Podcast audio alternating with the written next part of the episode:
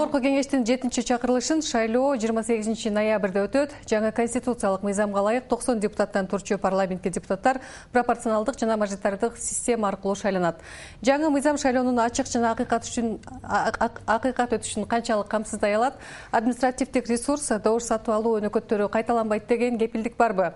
Бул жолку шайлоо бара жаткан саясий күчтөрдүн дарамети кандай аларды эл канчалык тааныйт эфирде эксперттерди талдайт программасы аны мен айзада касмалиева. Алып баруудамын алдыдагы мүнөттөрдө ушул жана башка суроолорго жооп издейбиз. Анда студиянын бүгүнкү конокторун тааныштырып өтсөм жарандык платформа коомдук уюмунун жетекчиси айнура усупбаева жогорку кеңештин э, депутаттары аалы карашев э, жана жанарбек акаев борбордук шайлоо комиссиясынын мүчөсү озарбек жылкыбаев саламатсыздарбы? Студиябызга куш келипсиздер бул жолку жогорку кеңешке депутаттар ошол эки системанын негизинде шайлана турган болууда. Жаңы мыйзамдарга ылайык ошол токсон депутаттын элүү төртү пропорционалдык система аркылуу саясий партиялардын тизмеси менен ал эми отуз алтысы бир мандаттуу.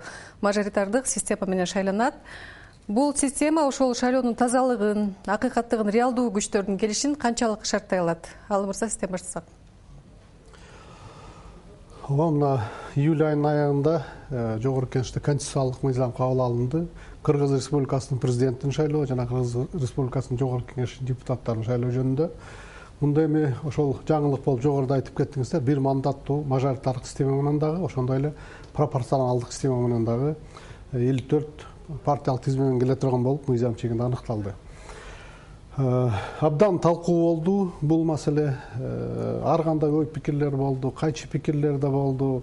Анан дагы бир өзгөчөлүгү ошол элүү төрт э, партиялык тизме менен келген партияларда преференциалдык ошол кишиге тизмедеги кишиге дагы добуш бере турган бир өзгөчөлүгү менен болуп атат да. Мындай буга чейин болуп көргөн эмес. Бир мандаттуу да болгон мажоритардык система пропорционалдык системада болгон.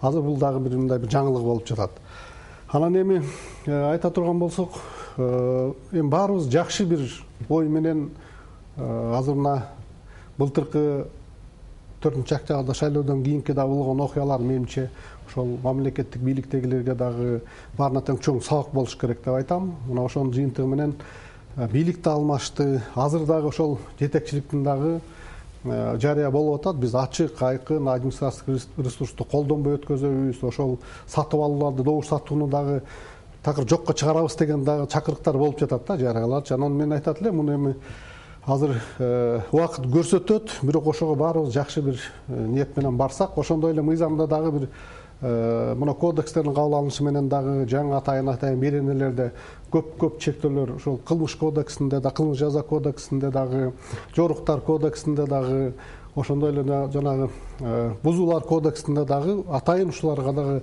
Э, беренелер арналып туруп ушул сатып алууга административдик ресурсту колдонгонго дагы мындай чаралар күчөтүлдү деп дагы айтып кетет элем ошондой эле. Артыкчылыгы э, э, күчөтүлдү ушул ошондой кылмышка баргандарга анан негизинен ушул элге да жеткизишибиз керек. Ошо сатып алып жүрүп шайлаган депутаттарыбыз кандай болду? Сатып алгандын жыйынтыгы эмне болду? Ушуну биз ар бир биздин жаранга жеткизе алсак менимче бир жыйынтык болуш керек деп айтам да. Анан эми сиз азыр болгон күч жумшалат го деп айтам азыр. артыкчылыктарды санап атпайсызбы? Бирок тобокелчиликтерге дагы эске алындыбы мисалы сиз кайсы негизги тобокелчиликтерди белгилей аласыз мен эми азыр мына буга чейинки дагы бир жаңылык болду. Биз ушу биз биздин комитеттин жыйынында караганда дагы айттык. Буга чейинки болгон мына шайлоодо мисалы үчүн үгүттөөчүлөр агитаторлордун саны чектелген эмес да. Мисалы үчүн келип туруп кээ бир партияларды көрүп аттык. Биз былтыр бир айылдан келип эле жүздөн эки жүздөн же болбосо жалпы бир келип туруп миңден дагы беш жүздөп дагы агитаторлорду алып ошону мыйзам чегиндеги баягы айлык төлөп берип коет ошол жана сатып алуу добуш сатып алуунун бир түрүнө да айланып калган болчу да. Азыркы могу мыйзамга биз э, биздин сунуш менен комитетте биз кирдик э, бир мандаттуу округтан беш жүзгө чейинки гана э, агитаторлорду алууга мыйзам жол берет. Ал эми партияларда он миңге чейин андан ашпаш керек деген чектөөлөр коюлду да. Бул дагы ошол бир сатып алууларга бир кичине чек болот деген дагы бир ой болуп атат ошондойчу айнура айым коомчулукта ошол бир мандаттуу шайлоо системасы бир бесикбой карапайым жарандарды эмес кайрадан эле ошол байлардын олигархтардын шайланып келишин шарттайт деген кооптонуулар жөнүндө азыр сөз болуп келе жатат. Анан мындай жол менен шайланган депутаттар кийин э, кайра эле парламентке келгенде бийликчил партияларды жандап кетпейби деген кооптонуу. Макулсузбу бул чоң эле кооптуу маселе. Анткени мына жанар мырза билгендей биз экөөбүз канча жылдан бери беш жылдан бери ушул системалар боюнча кагышып келатабыз аябай каршы пикир болуп мисалы үчүн азыр ачык тизме боюнча саясий партиялар аттанышат шайлоого. Мен болсо эксперт катары ачык тизме абдан татаал болот шайлоочуларга өзүнүн талапкерлерге дагы биринчиден. Ошондой маселе көп көтөргөнбүз. Канча жылдан бери э, тилекке каршы. Э, мисалы үчүн мен үчүн бул абдан татаал маселе э, жогорку кеңеш кабыл алды. Менин оюмча бир бир нече мындай торг менен кабыл алынды деп ойлойм да бул мыйзам анткени биринчи мына межведомственный группа сунуш кылган долбоор болгондо одномандатный боюнча жана жабык тизме менен барганда анда анчалык кыйын болбойт эле деп ойлойм да. Анткени чаң будуң чаң ошол шайлоодон кийин ошол партиянын ичинен эле чыгып калышы мүмкүн. Партия лидерлери ала албай калса добуштары алардын партиялары өтпөй калса андан тышкары өзүнүн үгүт компаниясына аябай көп кыйынчылык билдирет да. Ошондуктан биз э, айтканбыз жыйырманчы жылы шайлоо өткөндөн кийин ошол ачык тизме боюнча эмки жыйырма бешинчи жылкы шайлоого ошону даярдык көрөлү дегенче баш аман болуп калып ушундай ачык тизмелүү эмки жылы ушул э, шайлоого бара турган болдук. Ошол э, ошол аркылуу мен дагы мындай э, инициаторлорго айтып кетет элем. Мына көрдүм ошол талапкер болгон жок ошол инициатор. Менин оюмча бул одномандатный система менен барат. Бул эмнени көрсөтөт? Бул өзү рисктерди көрүп барбай калды да алтынбек сулайманов. Менин оюмча билбейм азыр өзүнөн сураш керек. Биринчиден соавтор сиз дагы бүгүн айтып кетерсиз. Бирок эң чоң кандай кыйынчылык? Э, шайлоочуларга мисалы үчүн э, жогорку кеңеш жаңы эле кабыл алган да ушул мыйзамды. Президент жаңы кол койду. Сразу гонка башталды да. Мындай э, мындай маалымат жок. Талапкерлерде дагы маалымат жок. Андан тышкары шайлоочуларда анан кийин баягы бюллетенди дагы эскерте кетсек бүгүн борбор шайлоо комиссиянын төрайымы маалымат берди. Ошондо деле журналисттер жакшы түшүнбөй коюшту. Демек э, ошол э, кыйынчылык болуп калар. Бирок бир нерсени айта кетер элем. Кыргызстанда шайлоо процесси шайлоо реформа эмне менен жыйынтык болду? Бул добушту даана санаганы мындай ошого жетиштик да. Ошол э, ошол менин оюмча баарын тартып кетер деп ойлойм ошо мыйзамды алып өтүүдө э, тобокелчиликтерге карабай бир соодалашуу болуп кеттиби деп э, суроо коюп атпайбы айнур айым эмне соодалашуу болушу мүмкүн эле? Эми бүгүнкү күндө реалдуулукту алганда э, парламенттеги фракциялар парламенттеги саясий топторго президенттин иши түшпөйт. Соодалашууга барганга зарылчылык жок. Анткени парламент алсыз. Президент каалаганын парламент менен соодалашпай туруп деле өткөргөнгө күчү жетет эми тобокелчиликтер э, кемчиликтер бар дайыма болуп келген. Буга чейин деле парламенттик башкарууга өтөбүз дегенде дагы ошондой күчтөр чыккан. Кийин мына биометрика аркылуу шайлайбыз дегенде дагы элдер ой ушул кантип болсун кантип эле бармактан эме болсун деген мына элибиз акырындык менен бир жаңычылдыкка жаңы сунуштарга акырындык менен көнөт. Бирок албетте баягы э, мындай бир жарым жартылай жылыш болду деп айта алам толук болду деп айта албайм анткени айнура айым айткандай жеке менин оюмда токсон депутат тең э, президенциалдык система менен шайланса бир мандаттуу болбосо деген э, ойдо элем. Анткени сиз туура суроо бердиңиз жанагы бир мандаттуудан э, отуз төрт депутат. Мен сизге азыр отуз алты депутат отуз алты. элүү төрт депутат партиялык тизме менен. Бир мандаттуудан мен сизге азыр ушул отуз алты райондон болжолдуу кимдер келет. Мен сизге отуз алтысын дагы айтып бере алам. Анча мынчасынан гана жаңылып калышым мүмкүн бирок отузун так айтып бере алам кара суудан ким келет ош шаарынан ким келет алайдан ким келет? Кантип? Э, эми белгилүү да. Э, кимдер келери белгилүү. Мисалы ошол эле азыркы жуктуу адамдар отуз алтынын ичинде наталья никитенко болушу мүмкүнбү? Евгения строкова болушу мүмкүнбү?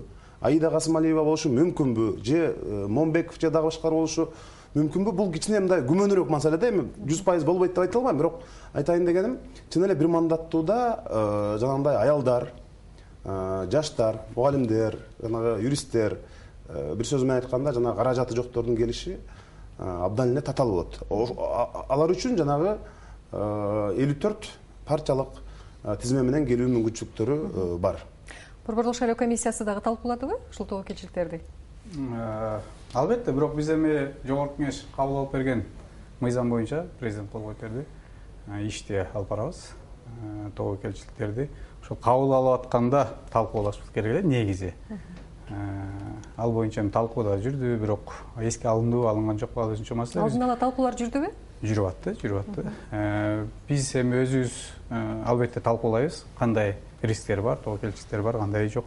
Аны эми айткан менен болбойт бирок биз ошону кандай десем алдын алганга аракеттебиз да. Борборлук шайлоо комиссиясы ошондой тобокелчиликтер жөнүндө алдын ала кооптонуулары жөнүндө мисалы парламентке билдирүү бере алды беле? Эми аны биз жаңы шайланып келдик бизге чейин мүмкүн бергендир анткени биз июль айынан баштап эле жаңы ишке кирдик да.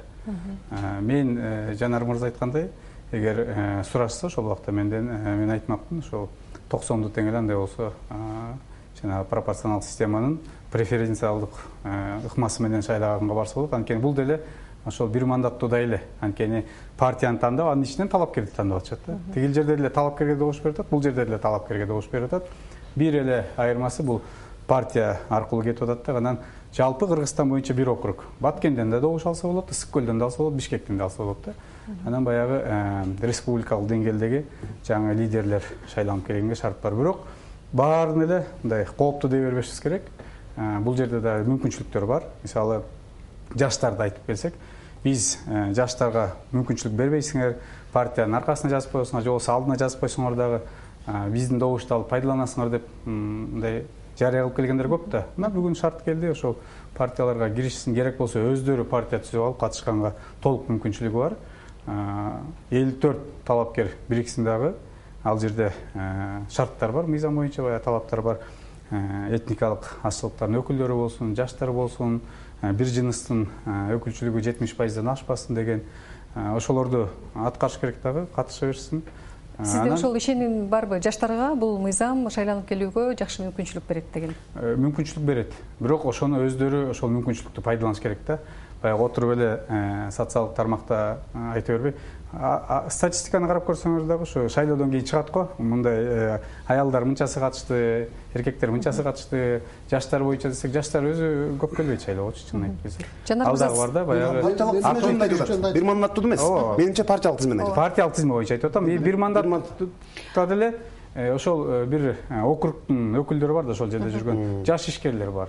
Же болбосо жаш активисттер бар. Мүмкүн эл колдоп кетет. Аны баягы тобокелчилик кылып эле баардыгы акчалуулар келет дегенден алыс болуш керек. Менин оюмча азыр парламенттин мүмкүнчүлүгү мындай кесилип эле калды да бир топ эле. Президенттик башкарууга өткөнбүз анан жанагы чоң мындай эбегейсиз акча каражатты кармап турган олигархтарыбыз барабы барбайбы. Алдыда да жанар мырза айтып кетпедиби алар дагы ойлонуп калды. Мындай парламентке барганга бизге кызыкчылыгы барбы жокпу дегендей да. Ошондуктан мүмкүн акча да көп маани бербей калышы мүмкүн да экинчи жагы да бар ал мырза мен тобокелчиликти мына э, парламентте талкуу болуп жатканда ошол э, ачык добуш берүү менен жана ачык тизме менен берген добушта дагы негизги тобокелчилик ошол жерден баары тең суроо берип атты да.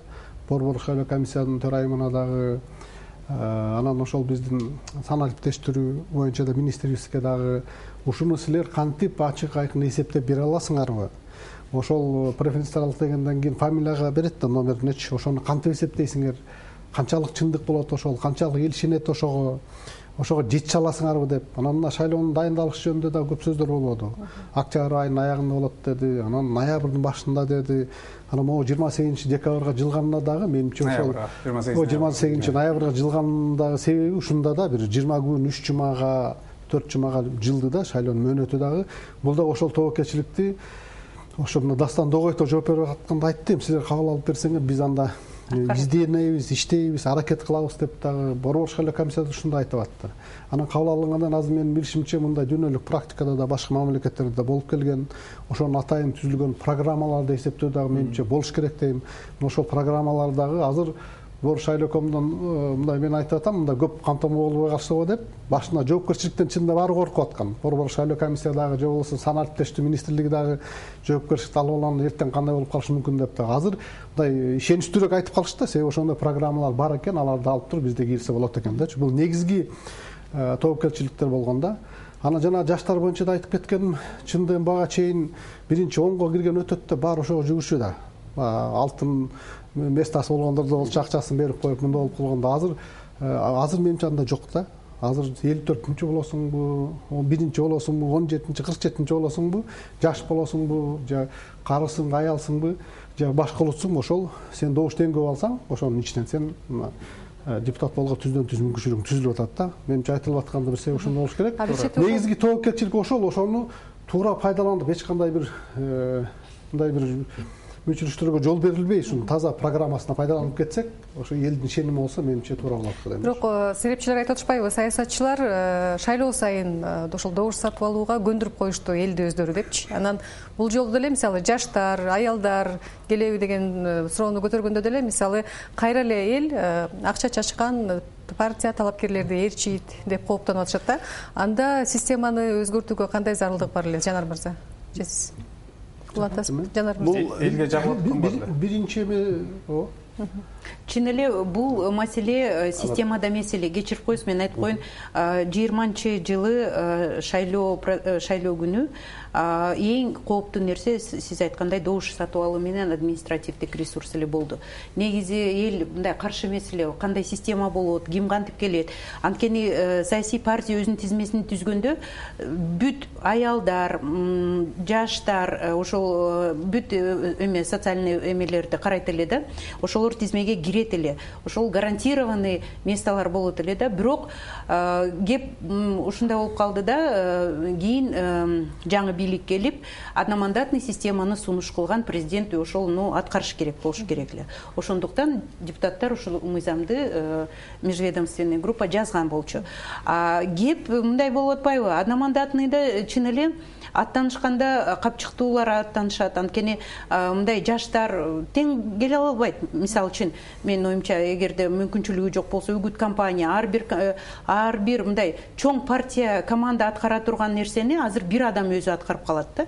Ошондуктан каражат дагы көп кетет. Ошого карата салым дагы болуш керек. И возврат такой соответствующий должен быть. А эгерде мисалы үчүн чоң коопту айтып коеюн мына беш процент э, эме порог коюлган болчу. Аны кабыл алышты. Мына э, демилгеч бул жакта турат. Э, менин оюмча ошол ачык тизмеге бир макулдашуу болгон окшойт. Менин оюмча да ал карашевич сиз мени эгерде туура эмес болсо айтып коесуз. Анткени башынан эле ошол жабык тизме менен келип аткан болчу да. Ошондо мүмкүн ушундай бардак болбойт турган бизге көрүнгөн болчу. Азыр болсо мына жанар мырза мен башында сурагам сиз тизме менен барасызбы же мындай партия менен барасызбы же жеке одномандатный менен барасызбы? Одномандатный жеңил болот дагы кийин жоопкерчилик партиянын алдында жок. Ошон үчүн бул жеңил э, мындай э, кандай десем жол. А саясий э, партиялар менен барса эгерде жанар мисалы үчүн өзү көп добуш алып калса анын партиясы өтпөй калса каражат кетирген каражат ушул бүт мүмкүнчүлүктөр мындай эле жок болуп калат да. Ошон үчүн кооптуу маселелер көп. Бирок мен дагы айттым мына сиз айттыңыз го борбор шайлоо комиссия техникалык даярдыгы барбы же жокпу менин оюмча азыр ал кооптуу нерсе жок. Борбор шайлоо комиссия баарын даярдайт бүт талапкерлердин арасында башталат да. Жакшы жактарын дагы белгилеп коеюн могул преференциалдык системада мурда шайлоого үч ай калганда эле ошол э, партиянын лидеринин гана көзүн карап баардыгы ошол партия лидери менен сүйлөшүп мени алдыга коюп бер деп э, акчаны таштап э, ошол жанагы айрым коллегаларыбыз айткандай ошо жүз миң деген долларларды берип алдыга кирип алган үчүн көп жанагы сиздер айтып жүргөн коомчулук сындап жүргөн сүйлөбөгөн жумушка келбеген депутаттардын саны көптүгү ошондон.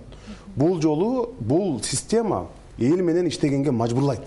Элге чыкпасаң иштебесең сен жумушка келбесең сүйлөбөсөң мындай э, активдүү болбосоң эч качан добуш албайсың деген. Менин билишимче бирок кыска убакыттын ичинде эле ошонун баарын аткарыш керек болуп атат да албетте. Мына бир канча партиялык э, тизме менен келген жанагындай ири ишкерлердин айрымдары э, мындай ойлонуп калышыптыр азыр чын элечи мындай шайлоого барсакпы барбасакпы деп. Анткени алар эл менен тыгыз иштеген эмес.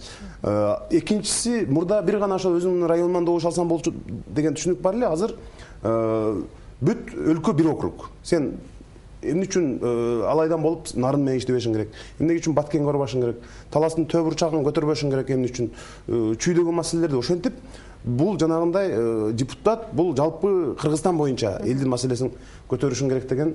Эми суурулуп чыккандар болот. Менимче жаштарда мына азыр интернет өнүктү илгеркидей ктвде деле карап отурган заман жок. Бүт социалдык тармактар өнүктү. Ютуб деген тим эле тиги ат башы лейлек баарына жетти менимче жаш жаңы саясий лидерлер чоң бир сюрприздерди кылышы мүмкүн. Демек сиз айрым адамдар он беш миң жыйырма миң добуш алып коюшу мүмкүн демек сиз кооптонбой эле турасызбы? Мен жеке өзүмөнбү. Жеке өзүмөн көп кооптонгон жокмун бирок биз жанагы жаңы саясий блокко аракет кылып аткан үчүн билбейм эми баягы добуш сатып алуудан гана кооптонуп турам. Дагы жанагындай массалык добуш сатып алып болуп кетсе анда биз билбейбиз. Жаңы системанын эски менен айырмасы мына. Жанар мырза айтып кетти мурун партийный босстор отуруп алып баарын чогултса азыр булар элге барып аткан экен да. Элге дегеним ошол добушу бар колдоосу бар талапкерлерди издеп жүрүшөт да. Партия азыр бирок лидер дагы өтпөй калуу коркунучу бар да албетте партия өтүп э, ошол партиянын лидери өзү өтпөй калышы мүмкүн баягы добуш ала албай калсачы партиясы өтүп анткени э, региондордо э, мындай айтканда жалпы кыргызстандын коомчулугу тааныбаган бирок ошол район ошол регион тааныган мыкты мыкты уул кыздар бар да алар чыгып кетиши мүмкүн. Туура. Тобокелчилик бар мындай маселе лидер өтпөй калса бул нормалдуу эле система болуп эсептелип калабы анда эми бул баягы партиялык системанын өнүктүрүшүнө тобокелчиликтер бар. Туура. Бирок ошондуктан муну ошол жогорку кеңеште карап атканда менин жеке пикирим ошол партиянын лидерине жанагы алтын мандат дейбизби мындай айтканда бекитип берип коюш керек болчу партия өтсө лидери өтөт депчи автоматически. Ал лидер ошол жанагынча элүү төрт талапкерди чогултуп жалпы республика боюнча шайлоо кампанияны башкарыш керек эле да.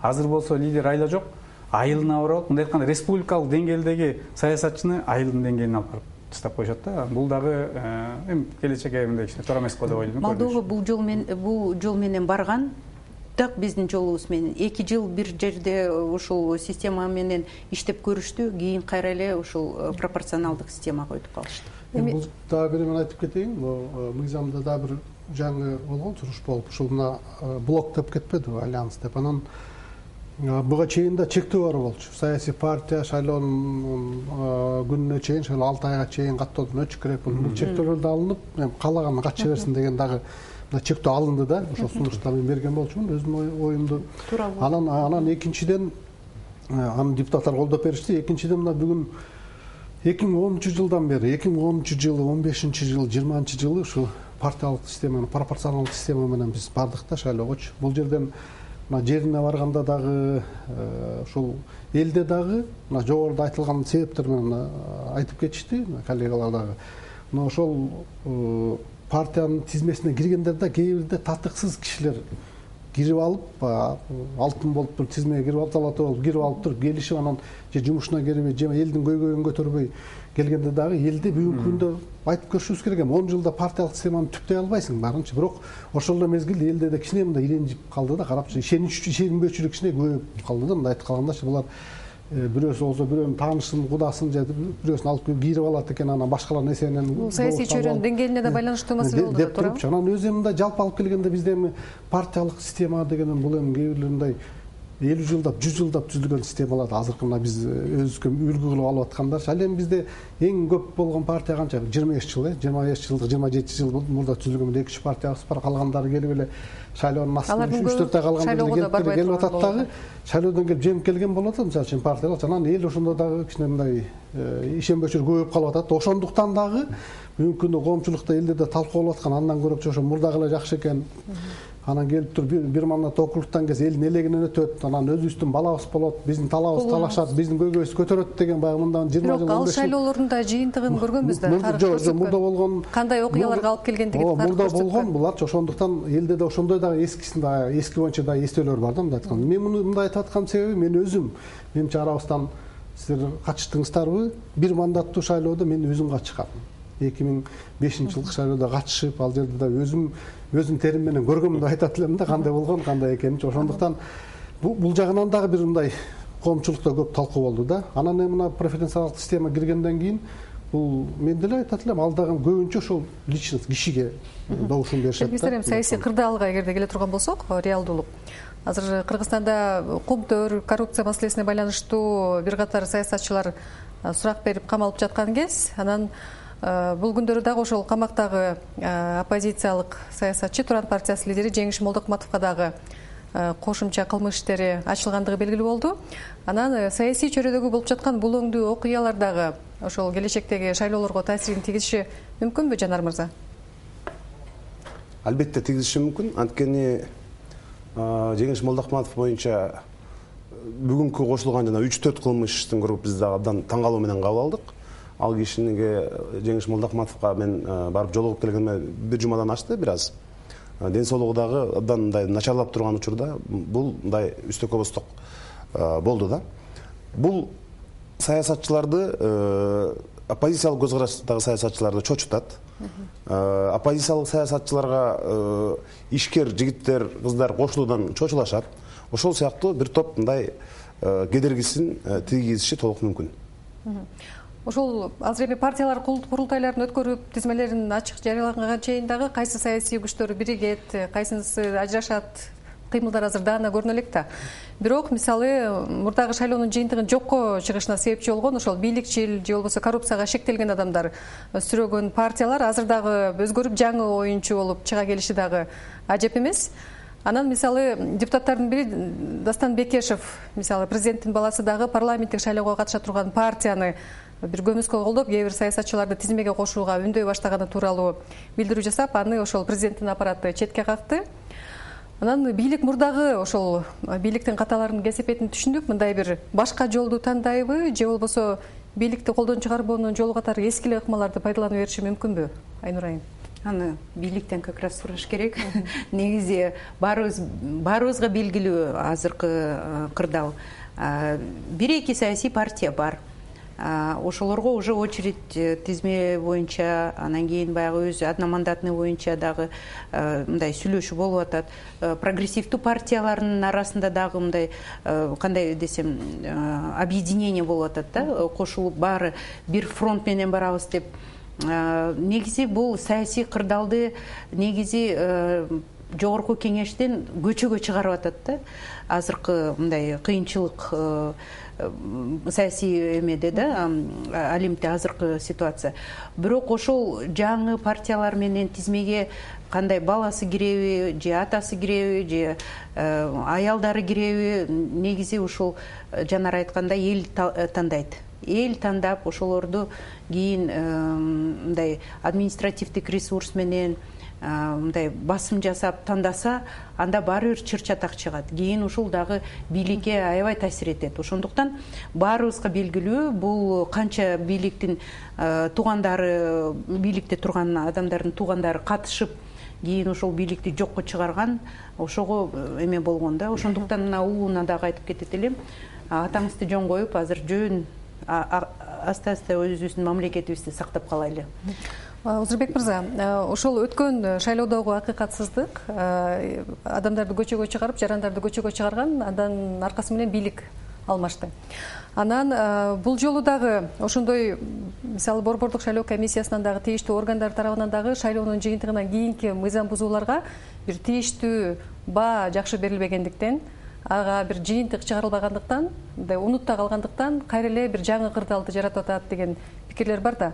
Анан бул жолу мисалы ошондой мыйзам бузууларды алдын алуу же болбосо аларга каршы күрөшүү чаралары канчалык күчөтүлдү? Ошондой механизмдер иштелип чыктыбы реалдуу?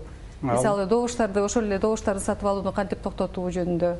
Албетте бул жалгыз э, борбордук шайлоо комиссиянын иши эмес. Анткени биз баягы шайлоону уюштуруп өзүңүздөр билесиздер шайлоо комиссиянын ичиндеги процесс анткени баардык маалыматтар борбордук шайлоо комиссиясына жөнөтүлүп атат да мисалы ар бир шайлоодочу жер жерлердеги мыйзам бузуулар боюнча. Менин айтканым бул шайлоо процесси ошол шайлоо комиссиянын ичинде мисалы бир бюллетень бир э, шайлоочуга ошол добуш санаа э, ыкмалардын баардыгы мындай бир жакшы деңгээлге жетип калды десек болот. Бул мыйзам бузуунун баары көчөдө болуп атат да жана административдик ресурс менен эле добушту сатып алуу. Эми административдик ресурсту азыр ойлоп атам мен өзүмдүн жеке пикирим жана акимдердин ротациясы болду да акимдер мындай толук кандуу административдик ресурсту пайдалана албайт го дейм да. Анткени жергиликтүү эл менен араң араң азыр тил табышып мындай таанышып иштеп келатышат ал жагынан кичине бир э, кепилдиктер бар десек болот да кичине.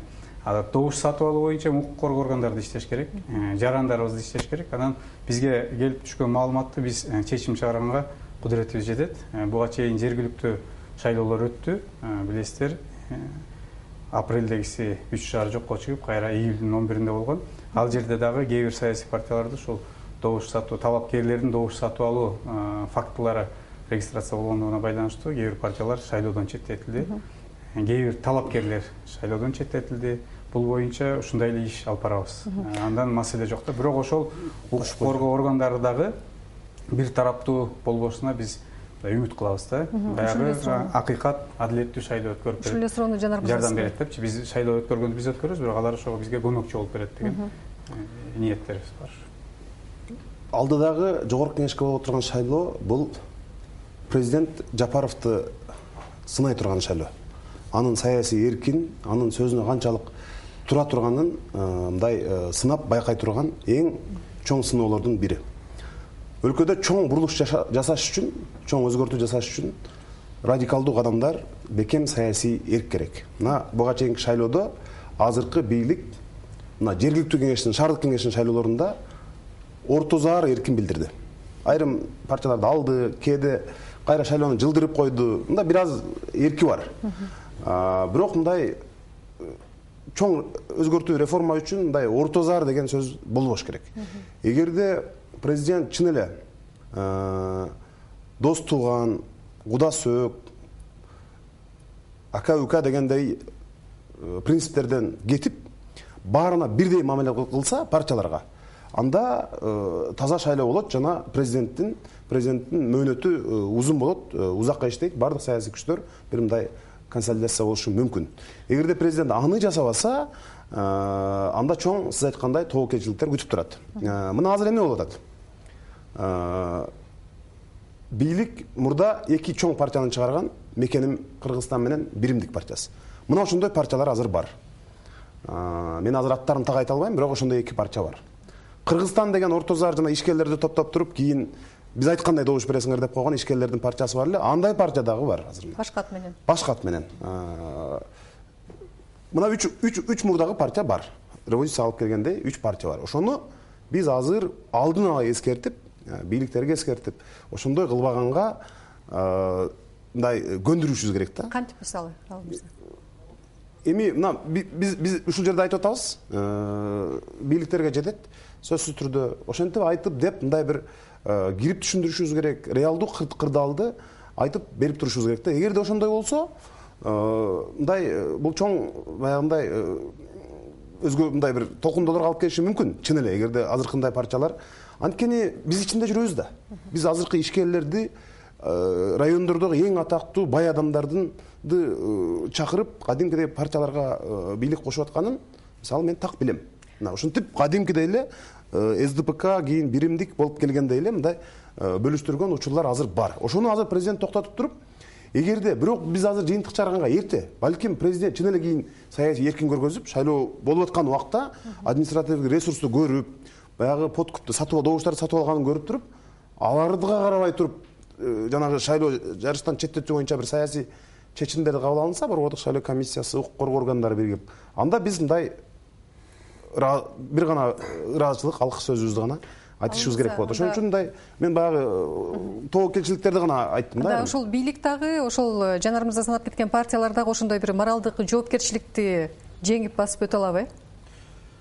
Мен айтат элем мына акыркы он беш жылда үч жолу бийлик алмашты.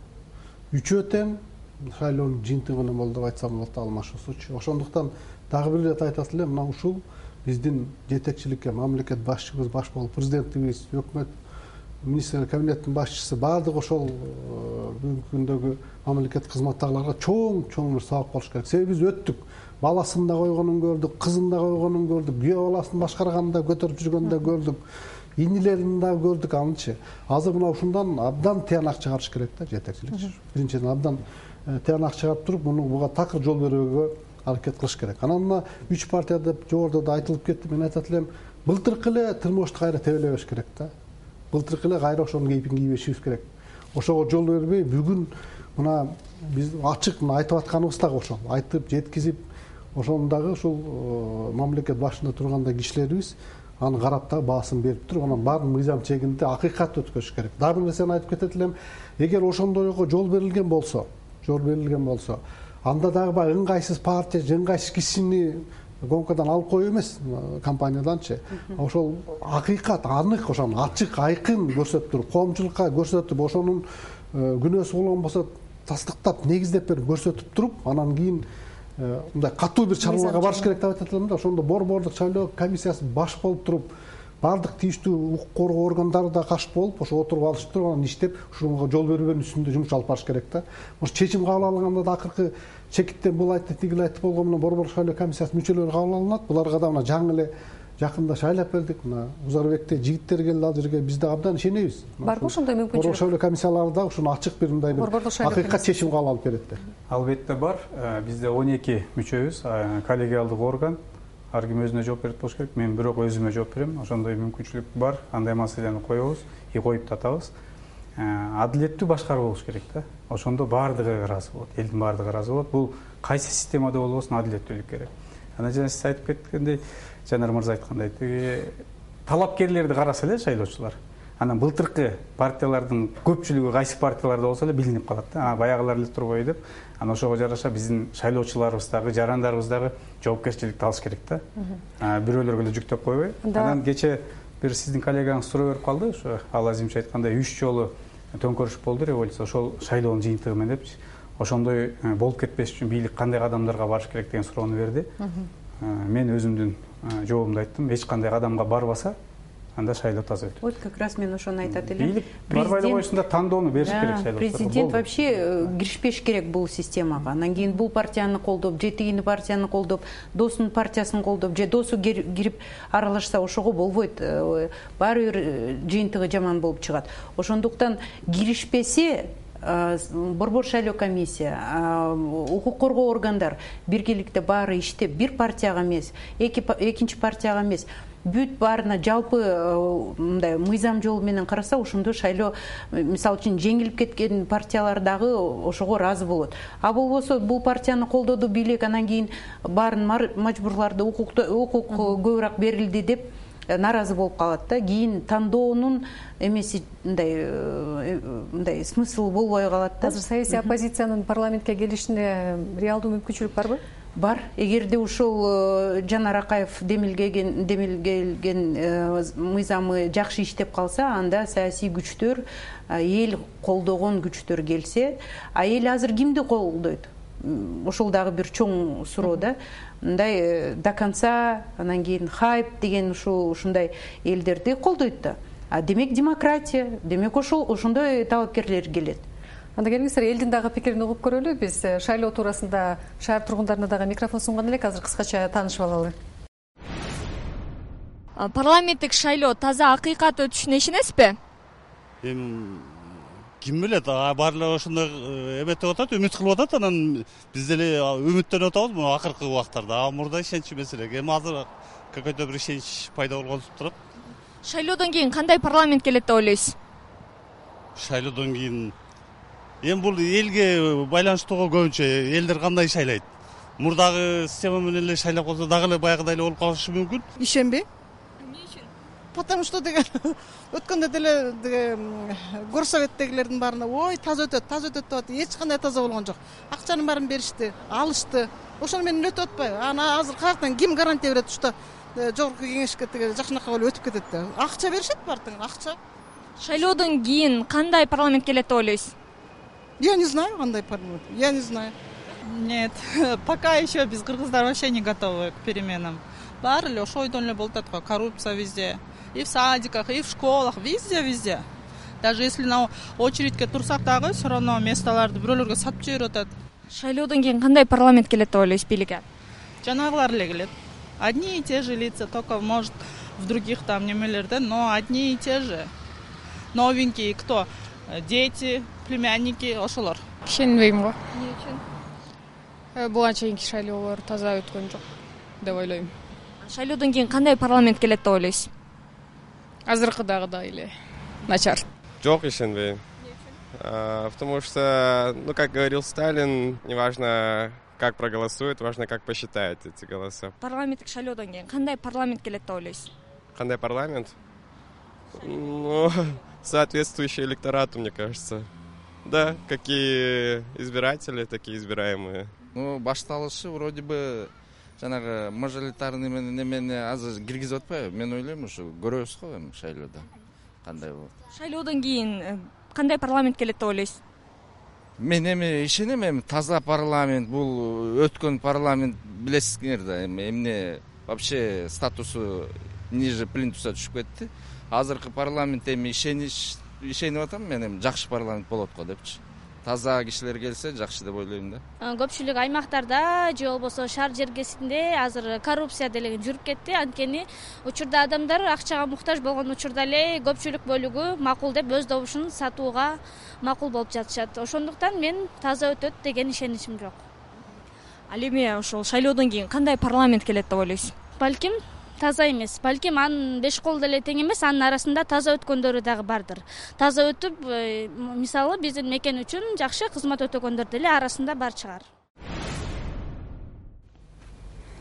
Азыр бир нерсе айтып коеюн уруксат этсеңиз ушу шайлоочуларга кайрылат элем да жалпы кыргызстандыктарга ошо эң негизгиси ниетти оңдоп бейилди оңдоп анан э, отуруп алып эле эксперт болуп баары эле албайт да. Акчасын таратып атат алып атышат дейт да. Анан эмне кытайдан келип алып атышабы кыргыздын эле жарандары алып атат акчасын. А бирок азыр ошондуктан жоопкерчиликти ошол шайлоочулар да сезиш керек да. Сезип анан э, эксперт болуп отура бербей баардыгы шайлоого барыш керек. Барып добушун бериш керек. Каалаган азыр мына ушундай система түзүп койду. Одномандатный болобу партийный болобу ошол токсонду тең тандаган укугу бар. Токсонду тең эки бюллетень алат да токсонду тең тандайт ичинен бирөө. Система таза э, санайт. тандасын система таза санап берет. да санап анан ошондон кийин анан татыктуу ошо шайлоочуларга жараша туура айтып кетти шайлоочуларга жараша парламент түзүлөт. Ошондуктан мен дагы бир жер айтып кайрылып кетет элем шайлоого катышкыла жакшы туура тандоо кылыңыздар. Мамлекет буюрса жакшы жолго кетет. Бизде аз убакыт калды. Мен акыркы суроомду узатайын. Анда жана шайлоочулардын жоопкерчилиги деп атпайбызбы анда азыр экономикалык абалды эске ала турган болсок кыргызстан кыйын абалды баштан кечирип жаткан кез кымбатчылык. Анан азыркы респонденттердин бирөө айткандай эл акчага муктаж анда ушундай шартта эл тандоону кантип жасайт жанар мырза? Жоопкерчиликти ойлойбу же болбосо ишенбөөчүлүктөн улам бир күндүк муктаждыгын жабуун ойлойбу? Токсонунчу жылдардан кийин э, бир мандаттуу шайлоо болгондо эл жанагындай э, жүгөрүдөн нан жеп э, суу менен отурганда деле дооронбек садырбаев мадумаровдор текебаевдер өтүп келчү ошол убакта. Биз көргөн парламент биз телевизордон айылда отуруп карап турган мындай бир сүйлөгөн депутаттар башкача болчу чын эле мындай биз ошондо кыялданчубыз ушул парламентке баргандычы ошондуктан азыр социалдык абалга албетте мындай караса болот. Бирок ошол добуш үчүн э, жанагындай э, добушун сатпай э, бир күн абдан чоң жоопкерчилик менен мамиле кылып койсо бир адам бир добуш. Мына узорбек казыевич айткандай бир адам бир добуш азыр. Добуштарды мындай бурмалап жибергенге болбойт анан чын эле жана баарыбыз эле азыр э, президент деле жамандап чын эле ушул киши эле жасаш керек э, деген талапты коюшубуз керек туура. Биз депутаттар коюш керек активисттер бирок өзүбүз дагы жардам беришибиз керек. Анан азыртан баштап мына узорбек казиевич борбордук шайлоо комиссиясынын өкүлү Э, түшүндүрүү иштерин эртелетпесек э, мындай элде чын эле мындай бир э, преференциалдык система кандай фамилия болобу дегендей маселе башталды да бирок бүгүндөн баштап мен телеканалдардан мындай көрүп баштадым азыр системага добуш берүү жөнүндө. мыйзам мыйзам жол берет шайлоочуларга дагы жоопкерчиликке тарткан үчүн тартканга. Анткени мыйзамда ошол добуш сатып алган киши сатып берген киши дагы ал дагы жоопкерчиликтүү демек укук коргоо органдары биринчиден ошолордун дагы борбордук шайлоо комиссия э, комиссиялары менен биргеликте иштеп ушундай э, алдын ала жүргүзүп маалыматтарды андан тышкары э, сөзсүз чара көрүш керек. Болбосо мындай озеки айткандай призыв менен биздин элге иштебейт. Бир эки ушундай штрафный санкциялар менен катуу катуу чара көрбөсө элдер ошол добуштарын сатып эле жыргап нандарын жеп отура беришет мындай кыска. окуялар болду жыйырма секунд. Жайында ош шаарында өткөн шайлоодо беш миңден он эки миңге чейин айыппулдарды да салышты жок абдан аз. Мен айтат элем да мына эки миңинчи жылдарда башка болчу. Мен бир мандаттуудан да барганмын кийин партиядан да бардык. Өзгөчө акыркы бир жети сегиз жылда бир абдан элди биз башка үйрөтүп алдык да бузуп алдык десем болот да. Аябай ушул бирок бир жагынан карап көрсөм былтыркы шайлоодо көрдүм да өз көзүм менен. Бир тааныш эле кишилерди алып башка добуш берди да анан айттым ай сүйлөшпөдүк беле добуш бербейсиң десем айтты. Э менин үйдө беш кишим бар. Үч миң сомдон берди он беш миң сом алдым бюджет. Анан мен деген бир айлык. кычтан чыккан көмүрүмдү сатып алып чечип койдум. Кечирип кой дегендерди эми көрдүк да мына ошондуктан азыр аларды да туура чакырып маданиятын көтөрүп анан аларга мындай түшүндүрүү иштерин алдын ала абдан дыкат жүргүзүп анан катуу бир чараны көрүш керек. Пресскать этип эле элге ачык айкын коомчулукка көрсөтүп коюшубуз керек да. Сиздерге чоң рахмат. Биздин эфирдеги убактыбыз жыйынтыкталып калды. Биз бүгүн парламенттик шайлоого даярдык. Саясий күчтөрдүн дараметин талкуулаганга аракет кылдык. Биздин бүгүнкү программага жарандык платформа коомдук уюмунун жетекчиси айнура усупбекова жогорку кеңештин депутаттары алык карашев жана жанарбек акаев ошондой эле борбордук шайлоо комиссиясынын мүчөсү озарбек жылкыбаев катышты. Программаны мен айзада касымалиева алып бардым. Кайрадан эфирден жолугушканча жакшы туруңуздар